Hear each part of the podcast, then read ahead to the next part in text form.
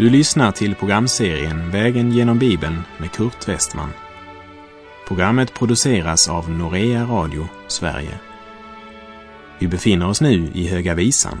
Slå gärna upp din bibel och följ med. Vi har under de tio föregående programmen vandrat genom Predikarens bok. Och eftersom även sångernas sång eller Salomos högsång också är skriven av Salomo så ska vi vandra även genom den boken i det gamla testamentet innan vi vandrar genom Kolosserbrevet. Den hebreiska titeln på det vi kallar Salomos högsång eller Höga visan är alltså Sångernas sång.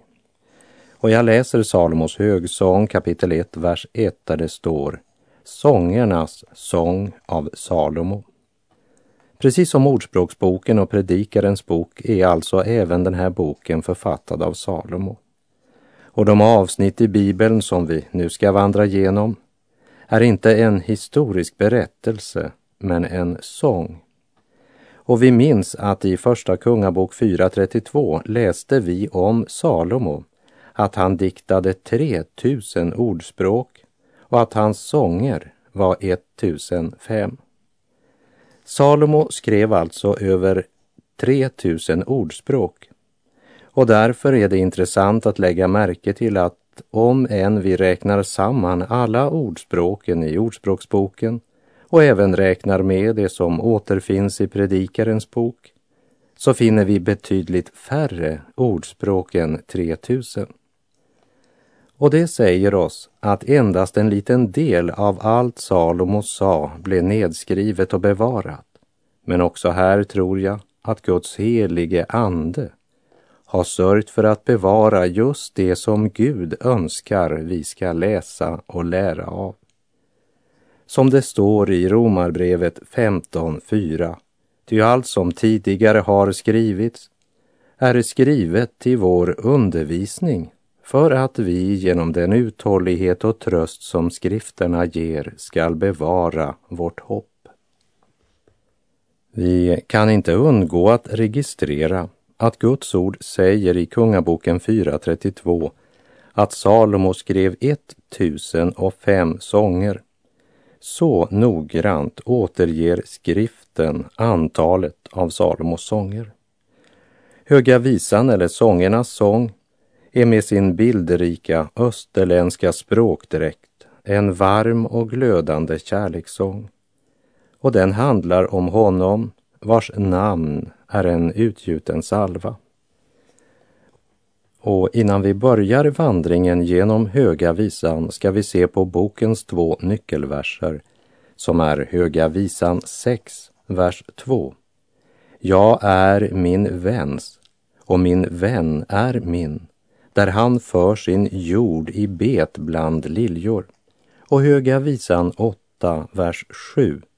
Det största vatten förmår ej utsläcka kärleken. Strömmar kan inte dränka den. Om någon ville ge alla ägodelar i sitt hus för kärleken skulle han ändå bli försmådd. Dessa två är alltså två av nyckelverserna. Samtidigt vill jag nämna att det finns i alla fall minst tre olika tolkningar av Höga visan. För det första den rent historiska tolkningen som säger oss att den jordiska kärleken har sin plats både i Guds skapelse generellt och även bland hans barn. Det andra är den allegoriska tolkningen där den beskrivna kärleken ses som en bild eller en åskådningsundervisning om kärleken mellan Herren och Israel och då i nytestamentlig tid kärleken mellan Herren och församlingen. Och det tredje, det är den historisk typologiska tolkningen som både ser Höga visan som en skildring av kärleken mellan två människor samtidigt som den också skildrar förhållandet mellan Herren och hans folk. I Efeserbrevets femte kapitel skriver Paulus att mannen är skyldig att älska sin hustru som sin egen kropp. Den som älskar sin hustru älskar sig själv. Ingen har någonsin hatat sin egen kropp utan man ger den näring och vårdar den så som Kristus gör med församlingen. Höga visan har sin betydelse för alla kristna. Samtidigt måste jag ju för egen del säga att ju äldre jag blir, desto mer börjar denna bibelbok att betyda för mig. Sakta men säkert så öppnas knopp efter knopp i Höga visan och slår ut i blom. Och jag kan inte dela med mig mer än vad jag sett. Och det är med stor bävan och respekt jag vandrar genom den här boken som har missbrukat så mycket både av ogudaktiga och även av kötsliga kristna. Men om du vandrar i ljuset och Herren Jesus verkligen betyder allt för ditt hjärta och du älskar honom, då kommer den här boken att betyda mycket för dig. Jag känner behov för att andligt talat dra skorna av mina fötter, böja mig till jorden inför det steg vi nu ska ta genom denna bok. Samtidigt som jag fylls med en förväntan. Eftersom Salomos högsång eller Höga visan innehåller en rad scener som inte berättas i kronologisk ordningsföljd så gör jag inget försök på att göra någon indelning av denna bok. Men som ett Guds barn så ser jag på den här boken som en underbar beskrivning av relationen mellan Kristus och hans brud, som är församlingen. Samtidigt som den naturligtvis också talar om relationen mellan Kristus och den enskilde kristne. Och mycket av det vi ska dela under vandringen genom Höga Visan baserar sig på Dr. Ironsides tolkning av Höga Visan. Dramat utspelar sig i Jerusalem och några scener är glimtar från händelser som ligger långt tillbaka i förgången tid.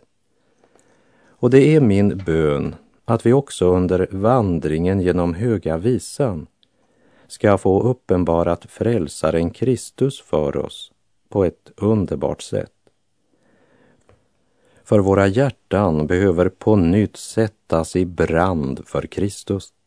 För den ljumhet man möter i många kyrkor och församlingar idag bland så kallade helhjärtade kristna behagar inte Herren Jesus. Johannes skriver i sitt första brev kapitel 4, vers 8 till och med 10. Den som inte älskar har inte lärt känna Gud, ty Gud är kärleken. Så uppenbarades Guds kärlek till oss.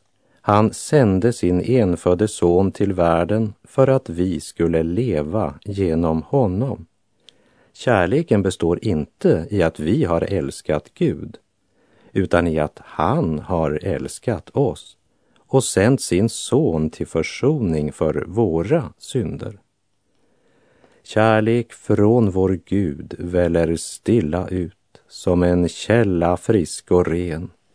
I dess bölja klar där den djupast var gömmes livets ädelsten. Kärlek från vår Gud som en älsklig brud kommer smyckad till oss ned. Öppna blott din famn, kom i Jesu namn och för himlen dig bered.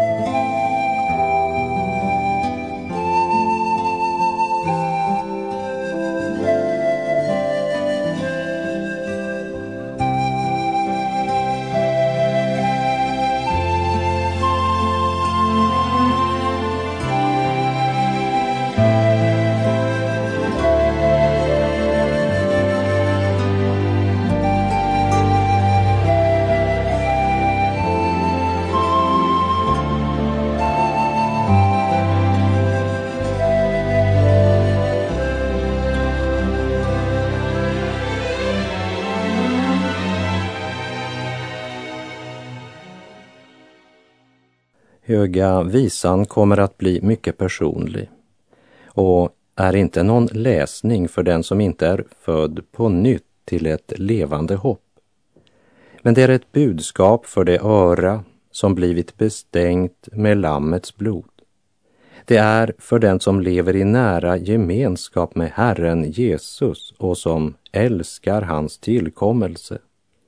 Sulamit eller bruden från Sulem säger Se inte på att jag är så svart, att solen har bränt mig så.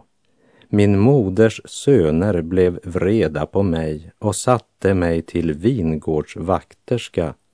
Min egen vingård kunde jag inte vakta, som det står i Höga visan 1, vers 6. Den äldsta dottern till denna fattiga familj från Sulem blev behandlad ungefär som Askungen.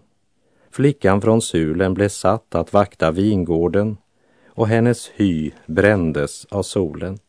Familjen levde tydligen vid Efraims bergshöjder och var arrendebönder. Det är i alla fall den bild som tecknas för oss i det sista kapitlet, vers 11. En vingård ägde Salomo i Bal Hamon. Den vingården lämnade han åt väktare och var och en skulle ge tusen siklar silver för dess frukt. Och jag tror att det är den plats där den första scenen utspelas. Flickans hud är kraftigt bränd av solen och hon känner sig vanärad. För vid den här tiden så betydde solbränna att du varit tvungen att arbeta mycket hårt. Därför försökte kvinnorna vid hovet att hålla sig så bleka som möjligt. Alltså precis det motsatta av situationen idag.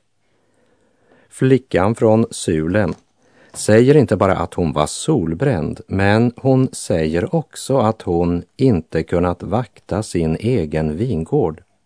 Det vill säga, hon hade inte haft någon möjlighet att ta vara på sig själv eller ta någon skönhetsbehandling. Av orden i Höga visan 1.8 där det står om du inte vet det, du skönaste bland kvinnor, så gå bara fram i jordens spår och för dina killingar i bet vid herdarnas tält. Så kan det se ut som om hon även var tvungen att vakta sina bröders får och getter. Hon hade sin arbetsplats i bergstrakterna där karavanlederna passerade och när hon blickade upp från dagens slit och strävan så kunde hon se karavanerna på väg mellan Damaskus och Jerusalem passera. I Höga visan 3, vers 6 ställer hon följande fråga. Vad är det som kommer hit upp från öknen som i stoder av rök, kringdoftat av myrra och rökelse och alla slags köpmanskryddor? Hon kunde se karavanerna och bland dem folket ifrån hovet med de vackra damerna som bars av bärare i små alkover, där de satt väl skyddade för den brännande solen. Hon hade aldrig sett något liknande. Och kanske drömde hon ibland om allt detta som var så nära när karavanerna passerade men ändå så hopplöst långt borta från hennes verklighet. Hon kunde känna doften från dessa välluktande parfymer när karavanerna passerade. Och vi ska se hur detta är en underbar illustration av Herren Jesu Kristi födelse och död. Och en dag när hon som bränts av solen vaktade sina får så dök det plötsligt upp en vacker och ståtlig herde och han fylldes av kärlek till flickan. Och här måste jag faktiskt gå händelserna så pass i förväg att jag säger att det är en bild av Kristus och församlingen. Och hör vad han sa till henne, Höga visan 2, vers 2. Ja, som en lilja bland törnen, så är min älskade bland jungfrur.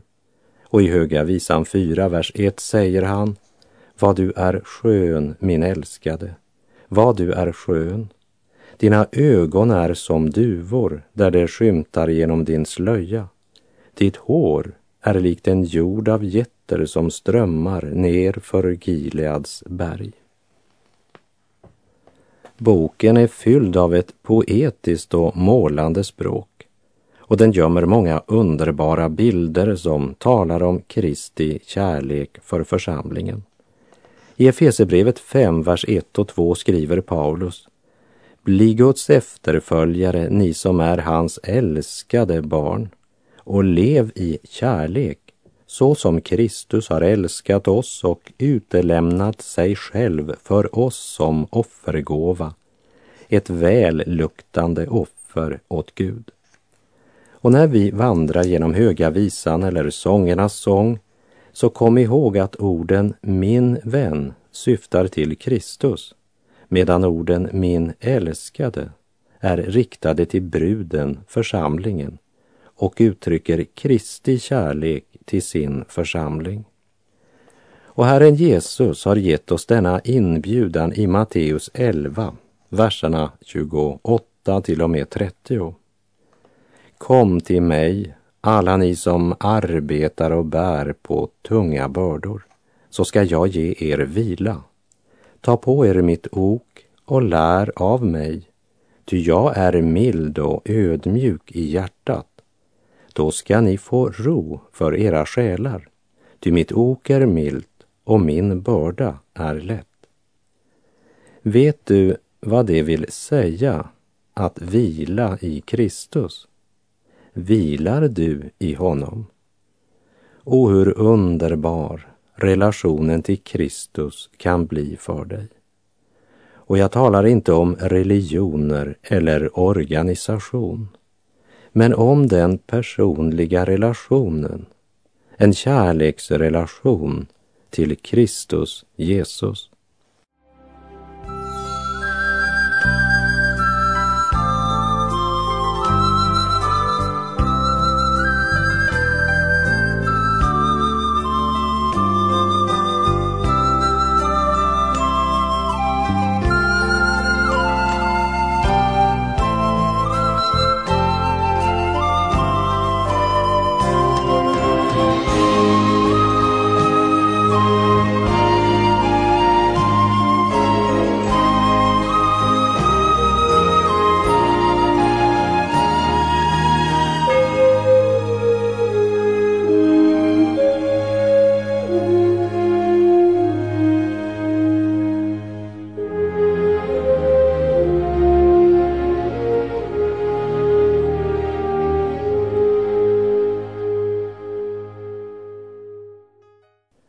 Bruden som kände sig ovärdig sitter där ute och vaktar sina bröders vingårdar och fåren och getterna bränd av solen.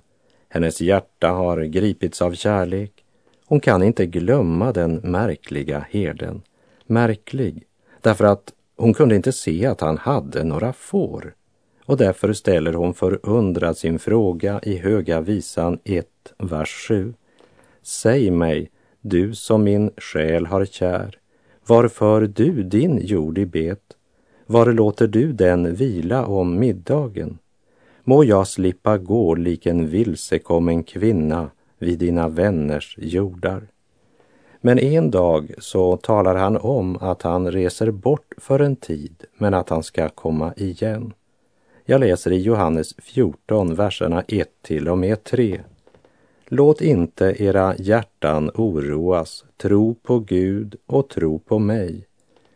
I min faders hus finns många rum. Om det inte vore så skulle jag då ha sagt er att jag går bort för att bereda plats åt er. Om jag än går bort och bereder plats åt er skall jag komma tillbaka och ta er till mig för att ni ska vara där jag är.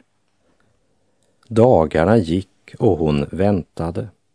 Till sist började hennes familj och hennes vänner göra narr av henne och håna henne. Och de sa, Höga visan 5, vers 17. Vart har han då gått, din vän, du skönaste bland kvinnor? Vart har din vän tagit vägen? Och det är just det Petrus skriver om i sitt andra brev kapitel 3, verserna 3 och 4.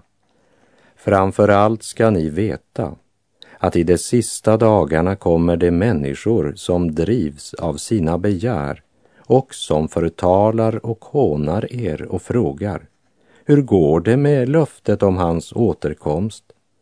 Ända sedan våra fäder dog förblir ju allting precis som det har varit från världens begynnelse. Men trots allt detta så litade hon på honom. Hon älskade honom, tänkte på honom, talade om honom och hon drömde om honom. Och hon saknade honom. Vi läser i Höga visan 3, verserna 1 och 2. Där jag låg på min bädd om natten sökte jag honom som min själ har kär. Jag sökte honom men fann honom inte. Jag vill stå upp och gå omkring i staden, på gatorna och på torgen. Jag vill söka honom som min själ har kär. Saknar du verkligen Kristus? Längtar du efter honom? Gör du dig besvär att finna honom? En natt när hon ligger så rastlös på sitt rum och tänker på honom som hennes själ har så kär, så känner hon plötsligt en underbar doft i rummet och hon anar hans närhet. Vid den här tiden så var det vanligt att friaren placerade myrra eller någon annan vällukt vid dörrhandtaget. Och när hon så kände denna doft och gick bort till dörren jag läser från Höga visan 5, vers 5. Jag stod upp för att öppna för min vän och mina händer dröp av myrra, mina fingrar av flytande myrra som fuktade ringelns handtag. Hon visste att han hade varit där. Hon var inte glömd. Har du erfarenhet av denna Kristusdoft? Min vän, nöj dig aldrig med religiösa knep, suggestion eller ceremonier och traditioner. Utan fråga dig istället rakt på sak, vad betyder Kristus för dig just nu? Kan du märka Kristi närvaro? Hon hade känt doften av myrra, men Höga visan 5.6 säger att när hon öppnade dörren för sin vän så var han försvunnen. Han hade varit vid hennes dörr, men hon hade varit så upptagen av andra ting att hon inte märkt doften av hans stilla närvaro. Och när hon nu märker att hennes älskade som stått utanför hennes dörr var borta och försvunnen, så blev hennes själ utom sig vid tanken på hans ord, står det. Men så en dag får hon höra, kung Salomo kommer men hon har så mycket att göra och hon känner inte Salomo. Då kommer någon och säger till henne, kung Salomo frågar efter dig. Och hon svarar, frågar efter mig? Jag känner inte kung Salomo. Jag har aldrig mött honom. Varför skulle han fråga efter mig? Jag läser i Höga visan 2, vers 10. Min vän börjar tala han säger till mig, stå upp min älskade, min sköna, kom hit ut. I Johannes kapitel 10, verserna 27 och 28 säger Jesus, mina får lyssnar till min röst och jag känner dem och de följer mig. Jag ger dem evigt liv och de skall aldrig någonsin gå förlorade och ingen skall rycka dem ur min hand. Och genom profeten Jesaja säger Herren i Jesaja 55, vers 3. Böj era öron hit och kom till mig. Hör, så får er själ leva. Jag vill sluta med er ett evigt förbund, att ni ska få all den trofasta nåd jag har lovat David. Och vidare i Jesaja 55, vers 6 och 7. Sök Herren medan han låter sig finnas, åkalla honom medan han är nära. Må den ogudaktige överge sin väg och den orättfärdige sina tankar och vända om till Herren. så ska han förbarma sig över honom och till vår Gud, ty han ska skänka mycken förlåtelse. Apostlagärningarnas första kapitel berättar att vid Kristi himmelsfärd, när lärjungarna såg hur Jesus lyftes upp och ett moln tog honom ur deras åsyn, så stod två män i vita kläder hos dem och de sa, ni män från Galileen, varför står ni och ser mot himlen? Denne Jesus som har blivit upptagen från er till himlen, han ska komma igen på samma sätt som ni har sett honom fara upp till himlen. Jesus ska komma igen. Det är Guds löfte till bruden. Höga visan 2, vers 11 till och med 13 säger Ty se, vintern är förbi, regnetiden är förliden och har gått sin kos. Blommorna visar sig på marken, tiden har kommit och vinträden skärs och turturduvan låter höra sin röst i vårt land. Fikonträdens frukter börjar mogna. Vinträden står redan i blom, det sprider sin doft.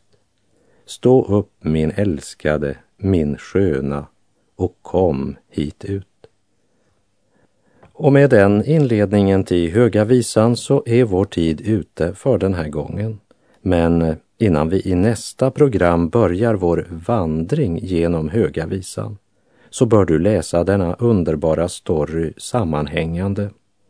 Då vill genomgången av boken ge dig mycket mer. Läs hela Höga visan efter programmets slut. På återhörande om du vill. Herren vare med dig, må hans välsignelse vila över dig. Gud är god.